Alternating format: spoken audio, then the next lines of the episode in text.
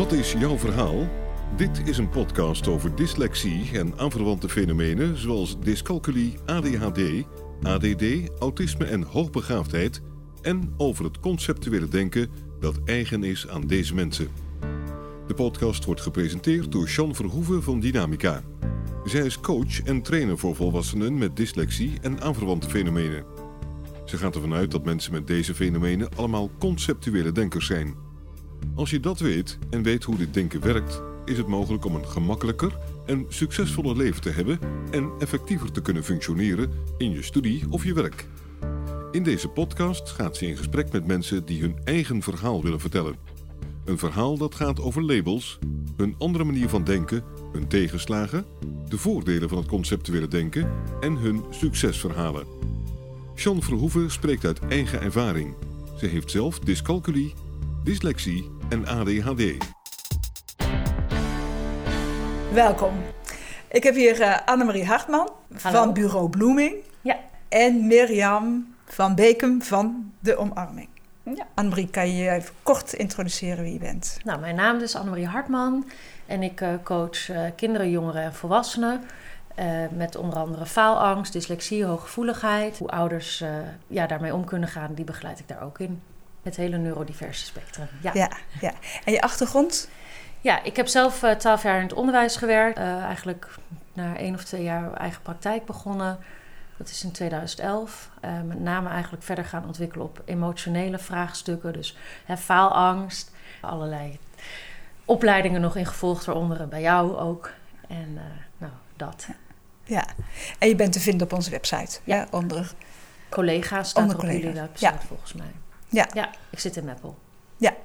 Mooi. Mirjam, Ja, kan jij je kort introduceren? ja, Mirjam van Bekem. Eh, ja, de Omarming is mijn eigen bedrijf. Sinds eh, vijf jaar mag ik dat nu doen. En daarbij coach ik eh, kinderen en jongeren die vastlopen in het onderwijs. Eh, eigenlijk breder, gewoon sociaal-emotioneel kan ook een reden zijn. Maar wel vaak met neurodiversiteitsproblemen eh, gediagnosticeerd. Maar ook als het niet gediagnosticeerd is, maar wel de vraag er ligt... of als het duidelijk is eh, Ja. dat er wel signalen van zijn... dan, eh, dan zijn ze ook welkom. En heel kort jouw achtergrond? jongerenwerk en het speciaal onderwijs Ja. zelfstandig gaan coachen. Ja. ja. En ook jij bent te vinden op onze website onder collega's. Ah, ja. Ja. In Ede. Ja, voor de luisteraars, waarschijnlijk zijn jullie al bekend. Hè? Ik, ik heb eerder podcasts met jullie opgenomen, met allebei eh, jullie. Nu zitten jullie hier samen. We gaan het vandaag hebben over ouders. Wat moeten we met die ouders van eh, kinderen, tieners, jongeren die jullie in coaching krijgen? Mijn eerste vraag is: bestaan er laaie kinderen, tieners of jongeren? Nee, wat mij betreft niet. En wat jou betreft? Zeker niet. Hoezo? Leg eens uit. Als je een kind of jongere in je klas hebt zitten of als kind thuis... die lui overkomt, zijn werk niet maakt of niet vooruit te branden is in zijn werk... dan zit daar een reden achter en is dat niet onwil. Ja. Maar onmacht. En hoe weet je dat zo zeker? in ieder geval uit ervaring van alle leerlingen die bij mij op de praktijk komen of die ik in al die jaren op school gezien heb, eh, zijn ze altijd om te buigen als je luistert. Eh, dat er een reden achter zit waarom het ze niet lukt of waarom ze uiteindelijk niet meer willen, maar dat heeft een oorzaak. Ja. En ik zie jou eh, knikken. Hoe is dat Ja. eh, voor jou? Ja, ik kan, ik kan me eigenlijk helemaal aansluiten bij het antwoord van Mirjam. Een kind loopt eh, ergens op vast en laat eigenlijk gewoon zien met het gedrag van eh, hen niet willen werken. Ik vind lui altijd eh, zo'n stigmatiserend woord. En ik snap heel goed dat je dat zegt. eh, eh, laat zien dat er iets eh, aan de hand is. Ik denk dat eh, de volwassenen, de ouders, de, de leraren of docenten... te gaan kijken van wat is er dan aan de hand. En dat het kind hè, of de tiener zijn verhaal kwijt kan ja, kijken naar die diepere oorzaak, wat Mirjam eh, eh, ook zei. Ik denk Ja. dat dat heel belangrijk is. Ja. En ik denk ook dat wij als mensen van nature de wil hebben ontwikkelen. En daarom weet ik dat ook zo zeker. Klopt niet als je niet vooruit wil. Als je niet wil leren op welke manier dan ook. Ja. Dat klopt van nature niet. Nee, want het is onze overleving. Ja, maar Ja. ik denk ook onze natuurlijke behoefte. Het geeft ook Ja. plezier. Hè? En we zijn van nature nieuwsgierig, willen dingen ontdekken, ervaren. Eh, dat doen we van eh, jongs af aan al. Ja. Wat zie je dan als een kind niet wil leren, zich niet kan ontwikkelen, laten we het zo uh, zeggen? Ja, veel signalen zie je wel, denk ik. Leeftijd maakt niet eens zo heel veel uit. Het is uh, moeite hebben met naar school gaan, niet willen. Uh, totdat je echt strijd hebt s ochtends om een kind naar school te brengen. Of dat ze echt huilend en uh, buikpijn hebben. Maar oudere leeftijd, als ze als zelf huiswerk moeten maken, dat ze er niet aan beginnen, dat ze zeggen dat ze het af hebben, dat ze continu andere dingen aan het doen zijn. Maar uh, als jij zegt, kom maar naast me zitten aan tafel, dan gaan we het nu doen, ik help je wel. Zelfs dat levert strijd op in plaats van dat er iets werkt. Dat zijn de meest opvallende signalen. Ja, ja. En wat ja. maakt het zo moeilijk om die signalen serieus te nemen? Door ouders? Uh, als je dat moeilijk vindt, dan raakt het je vaak persoonlijk denk ik ook de feedbackfunctie van kinderen, tieners. dus dan is het ook goed om te kijken van, oh ja, wat raakt me hier? Of wat herken ik hier misschien zelf van? Of waar maak ik me nu echt zorgen om? Waar ben ik bang voor? Dan is het ook moeilijker, want dan ga je eigenlijk zelf ook als volwassene in de stress.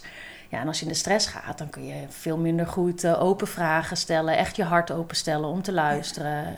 En je gaat eigenlijk vanuit je eigen stress of vanuit je eigen faalangst reageren. En dan, uh, dan ontstaat er vaak juist nog meer strijd, zoals Mirjam ook, hè, net ook benoemde. Ja. Dat maakt het vaak moeilijk. En dan, tegelijkertijd is het ook heel mooi, want je kan er juist ook van leren en ook weer van jezelf. Dat is denk ik ook de kans die, die het biedt. Ja, het is wel leuk dat je dat zegt, hè. daar kan je wat van leren. Maar als een kind constant op je pijnpunten zit, hoe, hoe kan je daar dan van uh, leren? Door, ik denk zelf, hè, echt te voelen van wat doet dit met mij? En echt naar binnen te gaan. En misschien heb je daar soms ook dan even iemand voor nodig hè, die je daarbij helpt. Uh, bij begeleid en de juiste vragen weten te stellen. Maar echt te kijken van ja, waar, ben ik, waar zit mijn diepste angst? En om het even wat concreter te maken. Ik, uh, bij ouders die zich bijvoorbeeld zorgen maken omdat het kind moeilijk leest of met spelling op school. Hè, dan vraag ik ook, wat, wat is nou je diepste angst? Ja, dat, in dat hij in de goot belandt. Dat hij het niet redt in de maatschappij. Of, want hij moet toch wel diploma's hebben. Hij moet toch wel goed kunnen schrijven. Hij moet toch goed kunnen lezen. Oké. Nou, en dat, dit is de angst die kinderen ook voelen van hun ouders. En uh, ja, daar zit natuurlijk gewoon een grote uh, zorg. En daar kun je van leren.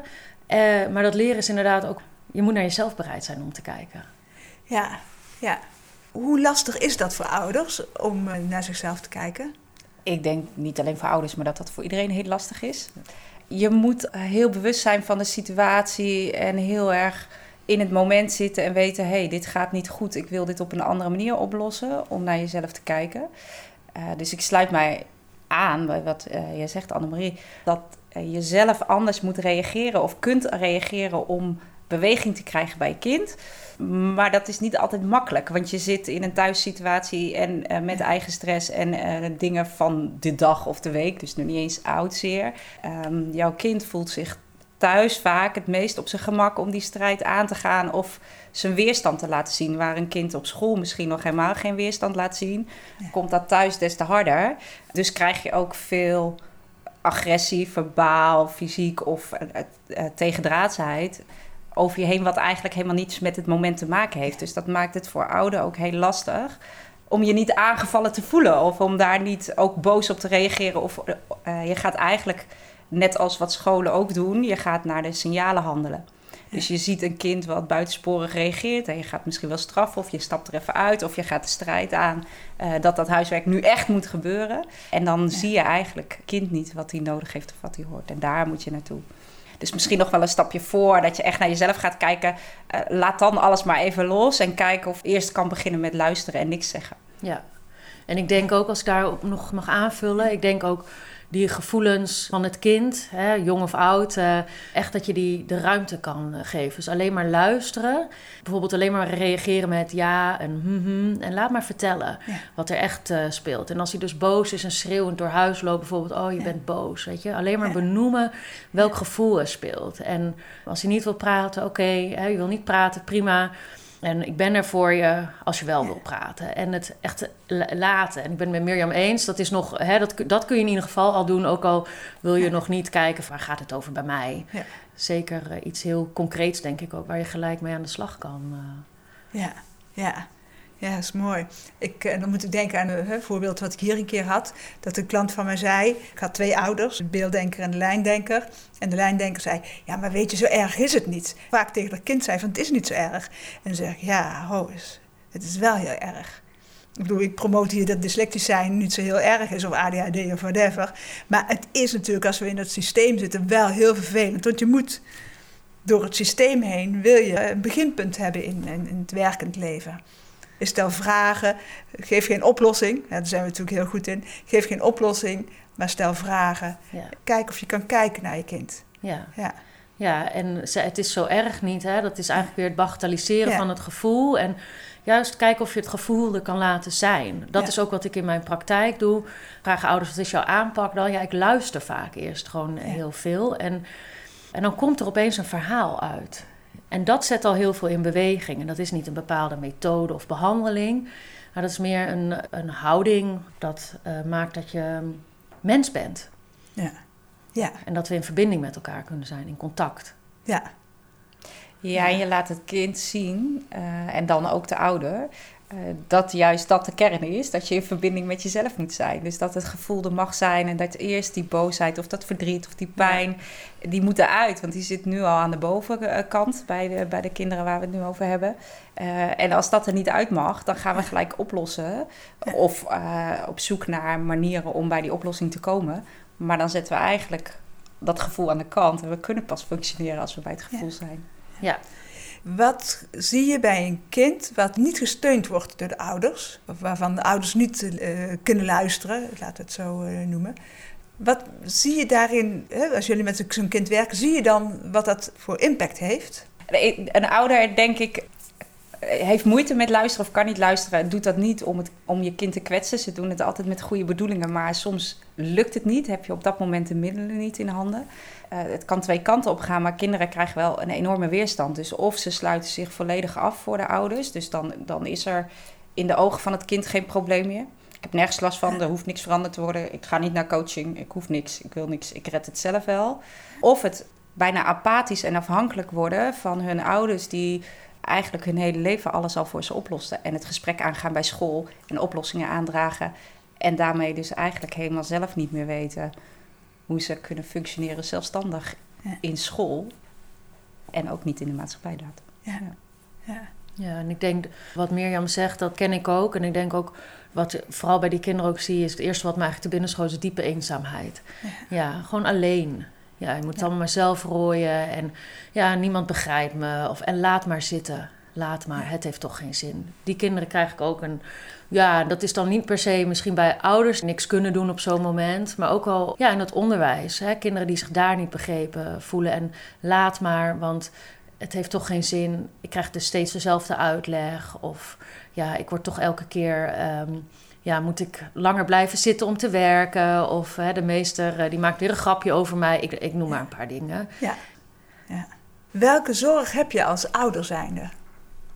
Als ouder um, handel je het meest uit de zorgen die je maakt om je kinderen. En de, de angsten die je zelf hebt, of de dingen die je zelf hebt meegemaakt, projecteer je heel erg op je kinderen. Um, maar je hebt ook de verantwoording om voor je kinderen te zorgen en te zien hoe het met ze gaat. En als het uh, niet goed met ze gaat, of als je ziet dat er op bepaalde vlakken niet krijgen wat ze nodig hebben, dat je daar wel iets mee uh, moet doen. En dat, het, dat jij alleen als ouder daarvoor kan staan en kan strijden. Ja. En zeg je daarmee ook dat je de, eigenlijk de verantwoordelijkheid hebt om hulp in te roepen? Ja, zeker. zeker ja. ja. En verantwoordelijkheid is dat, zou dat zorg? Ja, dan, dan is het zorg. Dan heb je zorg voor je kind. Dat hij krijgt wat hij nodig heeft. Ja. ja, dan is het zorgen voor. En uh, anders heb je zorgen om. Ik denk inderdaad, uh, je hebt de verantwoordelijkheid. Hè, waar de kinderen die bij mij uh, met name komen en ook de ouders, dat is, waar ik me op richt, is emotionele verantwoordelijkheid. Hè. Dus hè, de, ze hebben allemaal wel een dak boven hun hoofd en te eten. Maar emotioneel, van, hè, ben je echt beschikbaar voor jouw kind? En kan je jouw hart openstellen voor de zorgen die bij hem of haar... Ja, dan, dan kan je geconfronteerd worden met je eigen ja, zorgen, met je eigen hè, de angsten.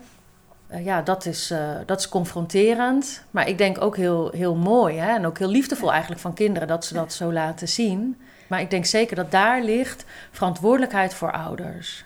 Mensen in het onderwijs, eigenlijk iedereen die met kinderen werkt. Ja, eigenlijk als volwassenen. als volwassene. Ja. Ja. Kennen jullie dat vaak denken, wat ik kan, kan mijn kind ook?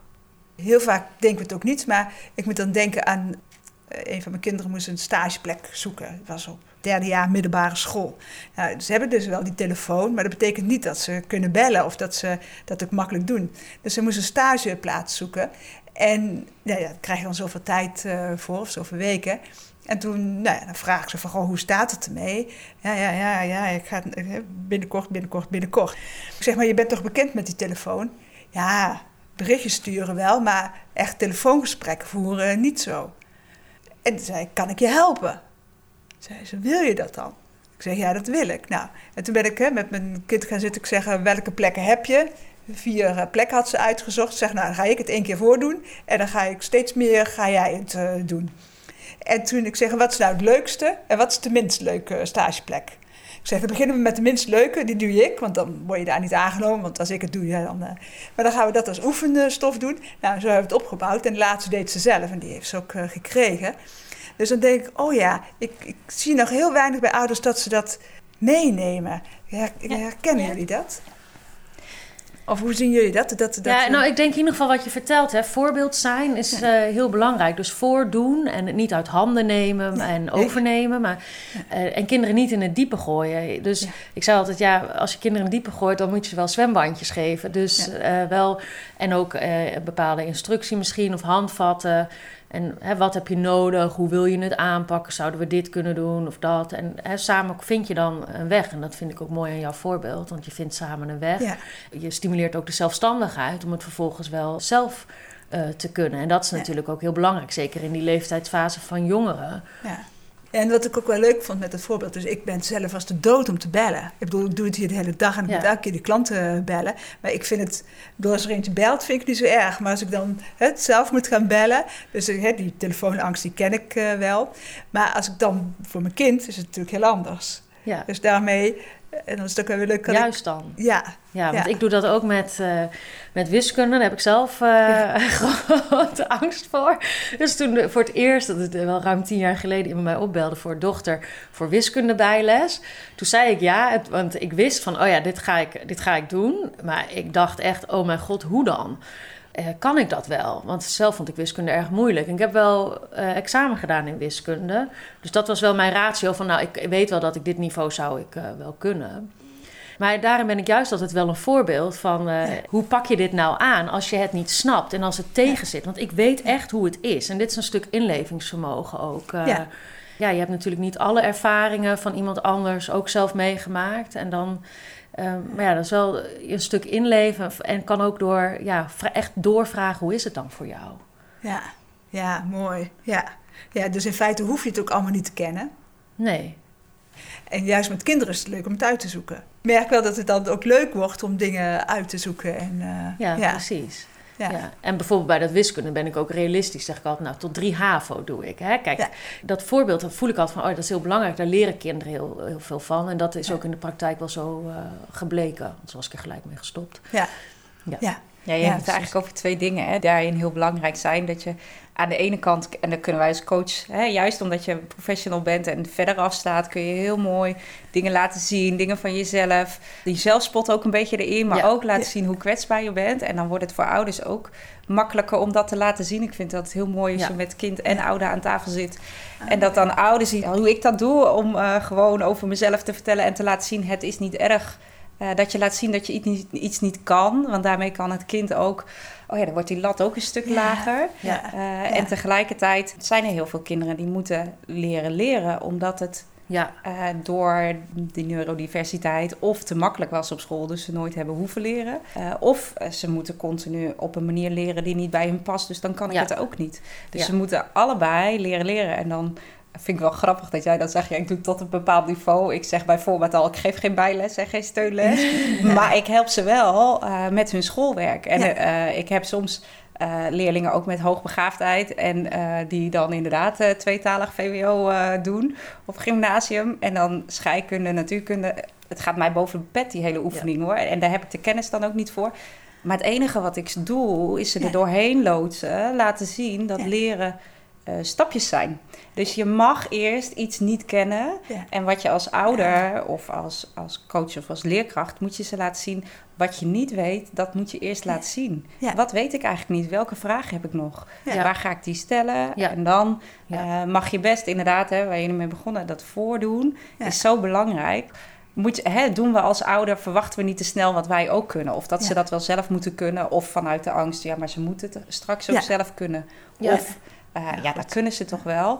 Je kan het ze beter drie keer voordoen en desnoods zes keer. En dan steeds een beetje loslaten. Ja. Dan Ja. dat je eh, zegt, ik heb het je één keer voorgedaan en nou moet je het zelf maar kunnen. Want dan, dan gaat het niet meer over de inhoud. Ja. Ja, of Ja. plannen en je zit in de eerste klas. Je moet, eh, dingen, je moet kinderen iets eh, leren. Ja, dat ze de vaardigheden ontwikkelen om dat te kunnen. Dus eh, hè, spullen pakken of, of je tas inpakken of eh, leren plannen. Of hoe leer ik nu goed en op welke manier past dat bij mij. Want dan krijg je ook vertrouwen in je eigen kunnen. En dat is heel erg belangrijk. En dat daar verschillende manieren voor zijn, dat is ook heel belangrijk. En ja, dus dat, is, hè, dus dat je dat zoveel, zoveel mogelijk op school en thuis kan ervaren. Hè? Ja. Dat je dat op je eigen manier mag ontdekken. En dat je als je daar misschien ook dan hè, dat je dat moeilijk vindt, of dat daar dus weerstand bij komt, of dat je denkt van oh mijn god, ga ik dit ooit leren? Hè? Dus dat je misschien bang wordt. Ja, en dat de, de volwassene vertrouwen uitstraalt. Hè? Ik zie dat dit kan, of we proberen het zus of zo. En dat leer je, want iedereen kan leren. Ja. Want iedereen heeft de wil om te leren. En Ja. kan het ook. Ja, want hoe, waarom ben je daar zo zeker van? Want er zijn toch heel veel kinderen die niet kunnen lezen, niet kunnen schrijven, hun diploma's niet halen. En nog, ja, wat ik eerder al zei, ik weet gewoon dat mensen van nature de wil hebben om zich te ontwikkelen. Want dat is gewoon hoe wij functioneren. Kijk maar, nou, als wij geboren worden, het enige wat we doen is groeien op allerlei manieren. Ja, En je kan hem ook wel terughalen naar je praktijk. Als je kinderen in je praktijk hebt zitten aan tafel die eh, eh, eigenlijk niet willen leren, volgens school of volgens ouder, eh, helemaal niet willen. Concentratieprobleem is dan ook standaard wat naar voren komt. Terwijl bij ons aan tafel zitten ze drie kwartier aandachtig te luisteren, vragen ze alles, vertellen ze mee, vragen Ja. ze. Ja, dus en dat heeft denk ik ook wel met hè, wat er thuis wordt verteld of op school wordt verteld. eh, hè, heeft dat je interesse als kind? Want dat is belangrijk, hè, want dat is een, motivatie en dan kun je je aandacht erbij houden om datgene ook daadwerkelijk te leren. En ja, wat is een motivatie? Bij kinderen is heel vaak gewoon ook dat je plezier hebt met elkaar of ook in je eentje. Je kunt ook in je eentje lol hebben en plezier hebben. Ja en wat zijn dan leervoorwaarden? Want dat is voor mij een nieuw eh, woord. Ja, dus dat zou, dat zou je kunnen zien als een, een factor of iets wat een rol speelt om tot ontwikkeling te kunnen komen. Dus om te kunnen leren. En ja, ik zeg altijd, er zijn drie, waarvan interesse is er één, maar ook ben je ontspannen. Dus als er bijvoorbeeld op school eh, eh, de sfeer niet lekker is in de klas of thuis is er eh, gedoe, wordt bijvoorbeeld gepest, hè, dan zit je Ja. al in spanning, nou, dan kan je minder goed leren. Ja. En de derde is, ben je er klaar voor? Ja. Ja, ik heb altijd het voorbeeld van eh, nu in groep 3 zit, dan ga je leren lezen en schrijven. Maar er zitten wel allemaal verschillende leeftijden ook in die klas. Hè? Want we zijn niet allemaal in dezelfde maand geboren, op dezelfde dag. En daarnaast ontwikkelen we ons ook allemaal net een beetje in een ander tempo. We beginnen ook niet allemaal als we één zijn met leren lopen. Ja, Dat gaat Ja. ook eerder of later. Hè? Of Ja. eh, precies als je één bent natuurlijk bij sommigen. ja. Dat zijn, dus daar kijk ik ook altijd naar van als een kind vastloopt. Van, ben je er ook echt klaar voor? Ja, hoe zit het met de interesse, met de motivatie? En- Om ook in kaart te brengen van hè, waar, zit het, eh, waar, zit, waar, waar loopt het mis? Dit kan een onderdeel zijn. Ja, Ja. ja. ja. en er, kwam een vraag op bij me van... ehm, en wat, wat doen jullie dan om die interesse, die motivatie te vinden? Eh, eh, Die motivatie, je gaat ontdekken waar het dan zit en waar het mogelijk de oorzaak zit waardoor je vastloopt. Dus daarom Ja. stel je die vragen. Want motivatie, geen motivatie hebben, daar zit iets onder. Daar kwam, Ja. begonnen we ook al mee. Hè? Dus er is een reden waarom het kind het niet meer eh, goed presteert op school of niet meer wil gaan.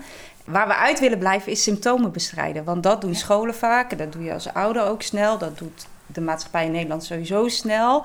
Uh, dus dan hebben we een motivatieprobleem.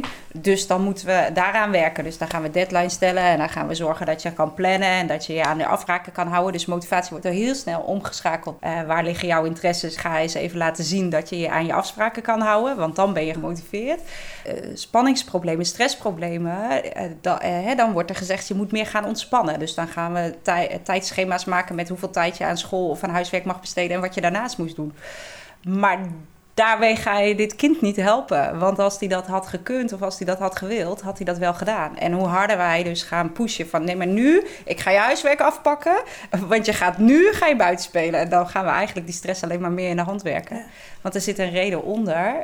Uh, of stress of spanning hebben, of gewoon helemaal gedemotiveerd zijn. En die komt wel heel vaak terug op de neurodiversiteit. Ja. En dan zul je daaraan moeten werken. En dan zul je het kind inzicht moeten geven in hey, hoe werkt jouw brein, hoe denk jij uh, en waarom botst dat zo met school? Want school heeft wel degelijk een ander systeem die niet bij jou past. En dan krijg jij dus continu het gevoel dat jij iets verkeerd doet of dat jij harder moet werken. Ja. En je krijgt, hè, als je het over motivatie hebt, je krijgt continu stof aangeboden die jij aan de ene kant helemaal niet wil leren. Maar hey, als het nieuwe dingen zijn, wil ik dat, vind ik dat best leuk, ook als kind zijnde. Uh, maar ik word erin getoetst en ik moet het in taal terug kunnen geven. Uh, op een toets, maar ook al in de klas als ik een beurt krijg. En ik moet er ook nog een week lang allerlei opdrachten over maken. En dat uh, hebben deze kinderen vaak niet. Die denken, ik heb het een keer gehoord, het nieuwe is eraf. Ik kan het in mijn hoofd onthouden en ik weet precies waar ik het over gaat ik kan het alleen niet navertellen in goede zinnen en goede woorden. Dus uh, ja, daar heb ik al vaak genoeg te horen gekregen dat het fout is. Dus dan wil ik niet meer leren. Want als leren betekent, ik moet het na kunnen vertellen of ik moet het goed op kunnen schrijven, ja, dan kan ik niet leren. Maar dat ik alles onthoud en dat ik hele verhalen en voorbeelden kan vertellen, dat wordt niet getest op school. Ja, en ik denk wat Mirjam zo mooi vertelt, dat stapelt zich op en allemaal ervaringen die negatieve leerervaringen zijn. En dan ben je niet meer ontspannen. En dan is je motivatie ook weg. Dus het is ook nooit een, hè, die drie leervoorwaarden die ik noemde, dat is nooit een soort van losgekoppelde uh, uh, iets. Het, is, gaat altijd hand in hand. Ontspanning komt vaak al inderdaad als je iemand tegenover je zit die bijvoorbeeld wat kan uitleggen over verschillende manieren van denken en leren. Hè? Dus over de neurodiversiteit. Uh, dat school toch sterk gericht is op nou, het lineaire denken en stapsgewijs informatie brengen. En dat je hè, aan een meetlat wordt gemeten. En uh, dat dat niet persoonlijk is, dat ligt niet aan jou. Want veel kinderen uh, gaan toch hè, denken, nou, li het ligt bij mij. En ook ben je daar nog niet helemaal bewust ja. van. Hè? Of ja, ik doe het niet goed. Of, en dan ga je je aanpassen. En dat kost ook heel veel energie. En dan ben je ook al gelijk niet meer helemaal ontspannen. Nee. En wat doet dat met een kind als het probleem van school? Het, het, hè, dat ze niet mee kunnen op school. Dat het probleem bij hun neergelegd wordt. Wat doet dat met een kind? Ja, kort gezegd, ja, dan beschadig je kinderen mee. De, de, verantwoordelijkheid ligt bij de volwassenen, vind ik altijd. Om uh, te kijken van nou, hoe kunnen we nou een leeromgeving creëren waarin kinderen tot bloei kunnen komen? Wat heeft hij of zij nodig? Ja. En wat kan je nou als ouder doen? Want ik, dan komt er zo'n verhaal. Ik vertelde een klant uh, de telefoon van... Nou ja, mijn kind moet van de crash af. Want hij, is daar, hij heeft te veel ADHD. En dan denk ik, als een kind van drie al de schuld krijgt... Wat kun, wat je als ouder, wat kan je als ouder met deze boodschap die je krijgt? Want die, die hoor ik gelukkig niet zo heel vaak, maar wel. Eh, mijn kind moet aan de Ritalin, want anders uh, mag hij niet meer naar school. Het ligt aan je kind. Je kind doet dit niet, je kind doet dat niet. Het is vervelend, het is agressief en dat soort dingen. Wat kan je daar nou mee als ouder? Ja, eh, ik denk om te beginnen, ik zou ook goed nadenken van nou, hoe, hoe sta ik hier nou zelf in? Ben ik het hier echt mee eens of niet mee eens? En, laat je niks aanpraten. Ga echt diep van binnen voelen, wil ik dit? En sta ik hier achter? En handel van daaruit. En als jij een school hebt en jij staat er niet achter dat jouw kind uh, aan de Ritalin moet...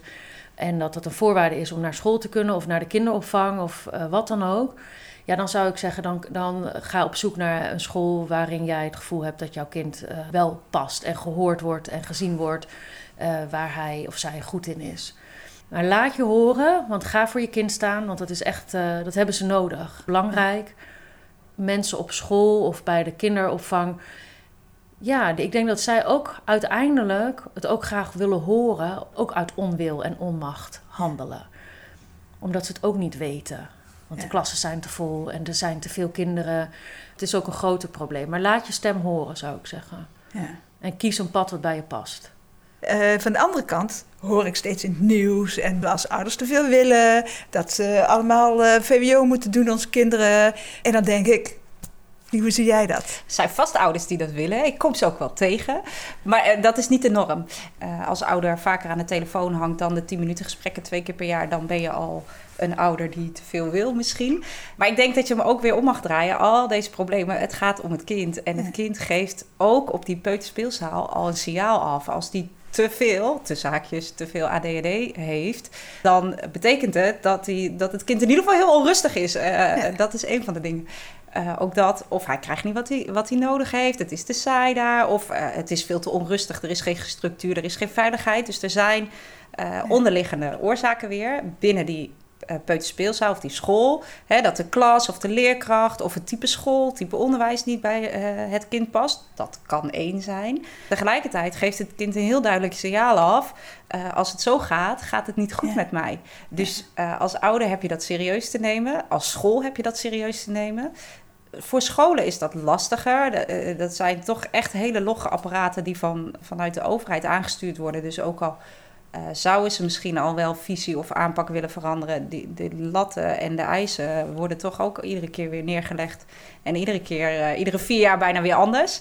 Uh, maar wel allemaal prestatiegericht, toetsgericht. Dus als school hangen zij wel vast aan die cijfers. Dus als kind onderpresteert, ja, ja dan, is, dan ligt het aan het kind. Want wij doen alles wat we kunnen. We weten niet beter sommige scholen willen wel meekijken en uh, bedenken wel van, goh, uw kind is qua gedrag misschien wat lastiger, of, of uh, veel pestproblemen, of veel uh, agressieproblemen van uw eigen kind ook. Ja, dan is het vaak een last voor een school.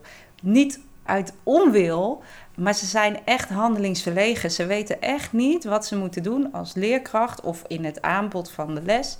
Dat, dat dat kind minder gefrustreerd raakt of minder boos wordt ja, kan ik ze niet altijd kwalijk nemen dat ze zeggen: uh, uw kind moet aan de Ritalin. Ik vind dat niet de manier en de aanpak. Uh, maar dat is wel wat zij meekrijgen en wat ze nog weten aan wat zou kunnen helpen. Ja. Dus als een school uh, zulke strenge eisen gaat stellen, dan is er eigenlijk dus geen gesprek. En dan is het nodig dat je een aantal keer goed in gesprek gaat over wat wat laat mijn kind nou eigenlijk zien? En wat hebben jullie al gedaan om te zorgen dat hij dat wel kan? In welke vakken laat hij dat zien? Of bij welke lessen? Of met welke kinderen laat hij dat zien? Uh, en kunnen jullie, willen jullie meebewegen om aan te pakken? Kunnen jullie professionals inschakelen? Want dat is heel normaal. Dat mag echt en dat kunnen scholen. En als de school dat niet kan of niet weet bij wie, dan mag je dat als ouder. En als het dan niet past, als je merkt dat gesprek krijg ik niet voor elkaar bij deze school, dan is misschien een andere school of een ander type onderwijs beter passend. Ook voor uw ouder is het dan beter passend. Ja, ja, en ik denk, uh, ik heb misschien nog wel een leuk voorbeeld om te delen. Een cliënt, uh, haar zoon uh, zit op basisschool en de juf had geschreeuwd tegen hem en een vriendje. En, maar ze heeft gebeld, waar kwam het op neer? Dat de juf zei, ja, want we moesten door met de les en ze luisterde niet. De cliënt die zei, ja, laat dat systeem toch eens los dat we altijd door moeten. En ik, dat vond ik wel een hele mooie. Want dat, dat denk ik zelf ook en voel ik ook zo. Van uh, schoolsystemen staan soms ook met hun rug tegen de muur. Ja, Weer van bovenaf, vanuit de overheid, hè, wat allemaal moet. Denk ja, en toch uh, mogen ook de juffen en de meesters en de onderwijsinstituten ook het signaal afgeven. Net zoals de kinderen het signaal afgeven. Ja, dat er ruimte nodig is. Meer ruimte voor verschillen en meer ruimte om verschillende wegen te bewandelen, om uh, tot bloei te komen, om ja, je, je potentie tot uiting te laten komen. En ook uh, ja, een positief ja. zelfbeeld en goed zelfvertrouwen zo op te bouwen. Ja. Ja, dat leren niet alleen maar is, kun je het verwoorden in toetsen en in uh, teksten. Nee. maar dat leren eigenlijk veel breder is en veel meer is. En dat je die ruimte moet krijgen om dat je als ouder of als kind kan kiezen op welke manier jij wil ontwikkelen en je talenten kan leren. En dat ja. kan gewoon in een schoolse situatie, maar dan moeten er wel toetsen en de eisen moeten anders. Je ja. moet andere. Hè, een voorbeeld: ik heb nu ja. uh, volgens mij een handjevol meiden van uh, 14 jaar, allemaal divers zijn. En die hebben wel allemaal de basisschool doorstaan, maar als je terug gaat kijken, genoeg hobbels uh, gehad, maar de cijfers waren goed genoeg. Dus nooit echt goede hulp geweest, of wel hulp geweest, maar op symptomen. Dus eigenlijk nog steeds niet ontwikkeld, niet weten wie ze zijn. Maar krijgen wel advies HAVO, VWO, gaan daar naartoe. En in het tweede jaar zijn die allemaal, haken die af. Omdat, nou ja, eerst een motivatieprobleem.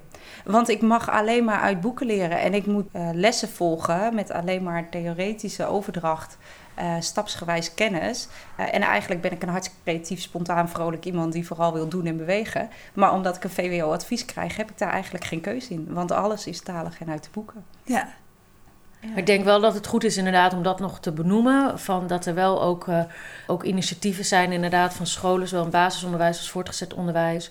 Ja, wat breder kijken en echt variatie uh, aanbieden. Ja. En ook wat meer loslaten wanneer een kind leert lezen. Dat vond ik ja. zelf ook. Dus niet allemaal in groep drie, maar ook wel echt later. Ja.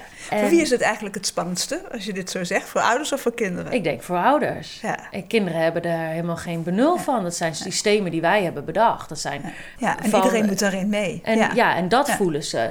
Dat ze dan... Ja, uh, ja soms ook. Maar een kind voelt zelf ook echt wel... Die, die geeft wel aan, ik wil spelen of ik wil dit doen. En je kan dit wel van mij vragen, maar ik doe dat. En soms kunnen ze het heel goed bedoel, verwoorden. Tuurlijk hoor je ook wel projectie van ouders. Hè? Als ouders veel roepen of veel gevoelens, die nemen ze over. Dat, dat, maar dat kun je wel filteren, dat hoor je er wel uit. Ja. Hè? Een jongetje van groep 5, die ik in het eerste gesprek vroeg van wat zou jij willen? Als ik nou kan toveren, wat mag er nou anders? Ja. Die echt uit eigen woorden kan zeggen, ik zou zo graag op mijn eigen manier willen leren. Ik vind dat kinderen moeten bepalen hoe wij leren. Ik wil gewoon taal leren met een speurtocht buiten en woordjes doen, spelletjes doen. En ik kan toch leren uit een gesprek of door dingen te maken samen. Ik ben hier een heel zwembad aan het bouwen, was die aan het doen van hout. Mm. Daar leer ik toch ook van alles van. Ik hoef toch niet alleen maar taal, rekenen en spelling uit een schriftje in de klas. Zijn woorden. Ja. En ja, hoe oud was die? Uh, negen. Ja, op elk niveau, want op VMBO is het ook niet creatief het onderwijs. Dan moet je ook die verslagen kunnen schrijven en anders kom je er niet doorheen. Dan ga je nog een niveau lager, terwijl je het allemaal al weet. Dus het gaat over überhaupt in het hele onderwijs creatief uh, Nou ja, leren. waarom vinden wij ja. dat je VWO-niveau hebt of gymnasium, dat je dan alleen maar kan leren en ontwikkelen en die vakken kan doen uit boeken en uit ja. uh, toetsen? Hoezo kunnen daar geen creatieve uh, praktijkvakken zijn. Hoezo kan dat niet in het VMBO ja. gymnasium? Uiteindelijk gaan we allemaal absoluut. werken. Ja, ja. Dat kan absoluut. Maar sowieso het, de, de, zorg dat het onderwerp gaat over, als zij het maar kiezen, hè, als zij het maar kiezen, zorg dat het onderwerp gaat over wat ze leuk vinden, ja, dat het uitgedaagd uh, moet worden. Ja, en, en variatie daarbinnen op, op wat je hè, doen, hoe de lesstof wordt aangeboden, in welk tempo. En uh, met beweging of muziek. Of, en dat echt niet alleen met taal en rekenen, maar ook gewoon vaardigheden. Ja. En uh, ik wou ja. dat ik vroeger had leren naaien. Ik kan niet naaien. Maar dat had ik echt wel willen, willen leren. Ik wil niet alleen maar cognitief uitgedaagd worden in mijn denken, maar ook uh, gewoon in bepaalde vaardigheden. Of samenwerken. Of um, goed kunnen luisteren. Weet, het, is, het is allemaal, hoort allemaal denk ik gewoon bij leren. Ja. Dus het concept onderwijs mag veel breder. Leren in het doen. Ja, en ik ja. denk dat je als ouder uh, ook best wel wat daarin kan doen. Uh, als je het over dat talenten ontdekken hebt en op een andere manier leren en vaardigheden. Juist de kinderen uh, weerstand hebben of geen motivatie meer hebben voor school, die hebben juist thuis de behoefte om andere dingen te doen. En die zijn helemaal kwijt soms dat ze kunnen genieten van dingen en dat ze mogen ontspannen. Uh, en die hebben juist die ouder nodig om samen en voor te doen, koken, bakken. Uh, gaat dat kind wel weer voelen, oh, ik kan wel iets leren en ik kan wel, hé, hey, dit kan ik wel, dit vind ik leuk. Oh, dit is genieten, dit is Dan uh, komt er plezier. Ja. ja. En plezier is ontspanning en wat ook echt belangrijk is, inderdaad het school even loslaten en vooral die prestatie. En hè, wel laten weten dat je er bent. Ja. Nou ja, wat we gewend zijn, als je, zeker als je ouder bent die ook uh, neurodivers is en die ook geen soepele uh, schoolloopbaan heeft gehad, dan zijn we natuurlijk wel gewend om heel hard te werken, de problemen op te lossen en vooral naar het eindresultaat. Daar moeten we toe werken. Ja. En als dat iets is wat je van nature, wat je al jaren ook voor jezelf doet, dan doe je dat waarschijnlijk ook onbewust voor je kind. Dus ga je des te harder werken om te zorgen dat hij dat verslag wel op tijd heeft. Of dat hij geen dingen ja. mist ja. in de planning. En ga je des te harder de strijd aan met school. Dit nog moet, moet nog en mijn kind kan dat niet en mag dat uitgesteld worden. Waardoor je eigenlijk veel meer in de weerstand komt. In plaats van dat ze gaan zien wat er nou echt nodig ja. is. Ja. Ja. Ja. ja, en daar zit denk ik ook juist de groei voor zowel jezelf Precies. als voor het kind. Ja, ja, ja. Andere vraag is: stel nou dat je, dat je niet naar een andere school kan, weinig mogelijkheden zijn. Hoe krijg je dan als ouder je kind door het systeem? School kunnen we niet veranderen. En ik zeg ook altijd: je moet er doorheen en het is belangrijk om diploma's te krijgen. Wat kunnen ouders doen om het kind door het systeem heen te krijgen? Nou, hoe meer kennis je hebt hiervan, denk ik, is uh, belangrijk om je kind van jongs af aan te laten zien dat er meerdere werelden zijn en dat het systeem echt anders denkt en functioneert uh, dan je kind en mogelijkerwijs ook dan uh, jij als ouder. En dat je. Um, uh, dat je ze daar veel voorbeelden van geeft en dat continu blijft benadrukken. En benoemen dus ook benoemen. steeds, naar het kind ook, ja. de klein ook. Ja, ja. ja maar zonder de weerstand, dus zonder in de slachtofferrol of zij zijn verkeerd. Nee, zij kunnen niet anders, zij weten niet beter. En wij moeten daar doorheen, dus ga... Uh, je gaat op zoek naar manipuleren eigenlijk. Hè? Je gaat op zoek naar manieren waarop je in de les uh, wel die toets kan maken... of wel dat opdrachtje af kan maken, want dat wil de juf nou. Ja. Uh, maar ga het dan doen zonder energie en zonder dat het jou moeite kost. Want voor jou heeft het geen zin om vijf rijtjes keer sommen te maken. Want jij weet ook het trucje naar twee rijtjes wel. Dus die andere drie rijtjes... Of het trucje leer je nooit. Nee, precies. Dus die drie rijtjes doe je heel snel. Of die doe je zonder energie. Of die doe je thuis. Uh, terwijl je weet dat je dan op een bal mag zitten en ondertussen wel kauwgom mag kauwen. Of nou ja, iets dergelijks. Dus je gaat proberen uh, samen met je kind steeds op zoek te gaan. hey, welk stukje wil jij hiervan niet, niet doen? Of lukt jou niet? Uh, vinden we, is dat nou echt nodig? Kunnen we je daar extra uitleg over geven? Moeten we je laten zien hoe jij leert? Of is dit wat niet bij jou past, wat jij nooit hoeft of kunt leren? Ja. Uh, dus uh, ga het vooral makkelijk maken. Eigenlijk al mijn leerlingen zeggen die in het voortgezet onderwijs zitten. Ik zeg, het systeem is niet gemaakt om tienen te halen. Want als je de hele klas tienen haalt, dan denken de docenten... we hebben het te makkelijk gemaakt, ja. dat worden ja. ze geleerd. Dus als jij achterhaalt, heb je het eigenlijk fantastisch gedaan. Ja. Maar dat zit niet in een hardwerkend kind. Nee, nee. En zeg je daarmee dat die kinderen, de neurodiverse kinderen... in feite allemaal keihard aan het werk zijn? Ja, ja allemaal. Ja. Ja. Of ze hebben het al opgegeven, maar dan zijn ze dus heel hard aan het werk om te overleven. Ja, ja. Ja. ja. Ik hoop toch het onderwijs altijd te inspireren om beweging te krijgen in het systeem, hoe dan ja, ook. Hè? Ja. Want ik denk de verandering zit altijd bij onszelf, waar je ook staat in de maatschappij, of je nou lesgeeft ja. of ouder bent of coach. Of, uh, maar ik denk als je in ieder geval je visie deelt, en, uh, dus ik denk dat dat belangrijk is. En, en, wat kan je nou praktisch als ouders doen? Ja, ik sluit me aan bij wat Mirjam uh, zegt, maar tegelijkertijd ook kies voor je kind. Dus als jij denkt bijvoorbeeld, mijn kind hoeft niet vijf dagen in de week naar school, want dat is veel te veel. Durf die beslissing te nemen. Als je denkt, hij heeft hulp nodig, maar dat doen we niet na school, maar onder school, want anders zit hij veel te lang ja. uh, op school, ja. hè? veel te ja. veel uh, achter die tafel.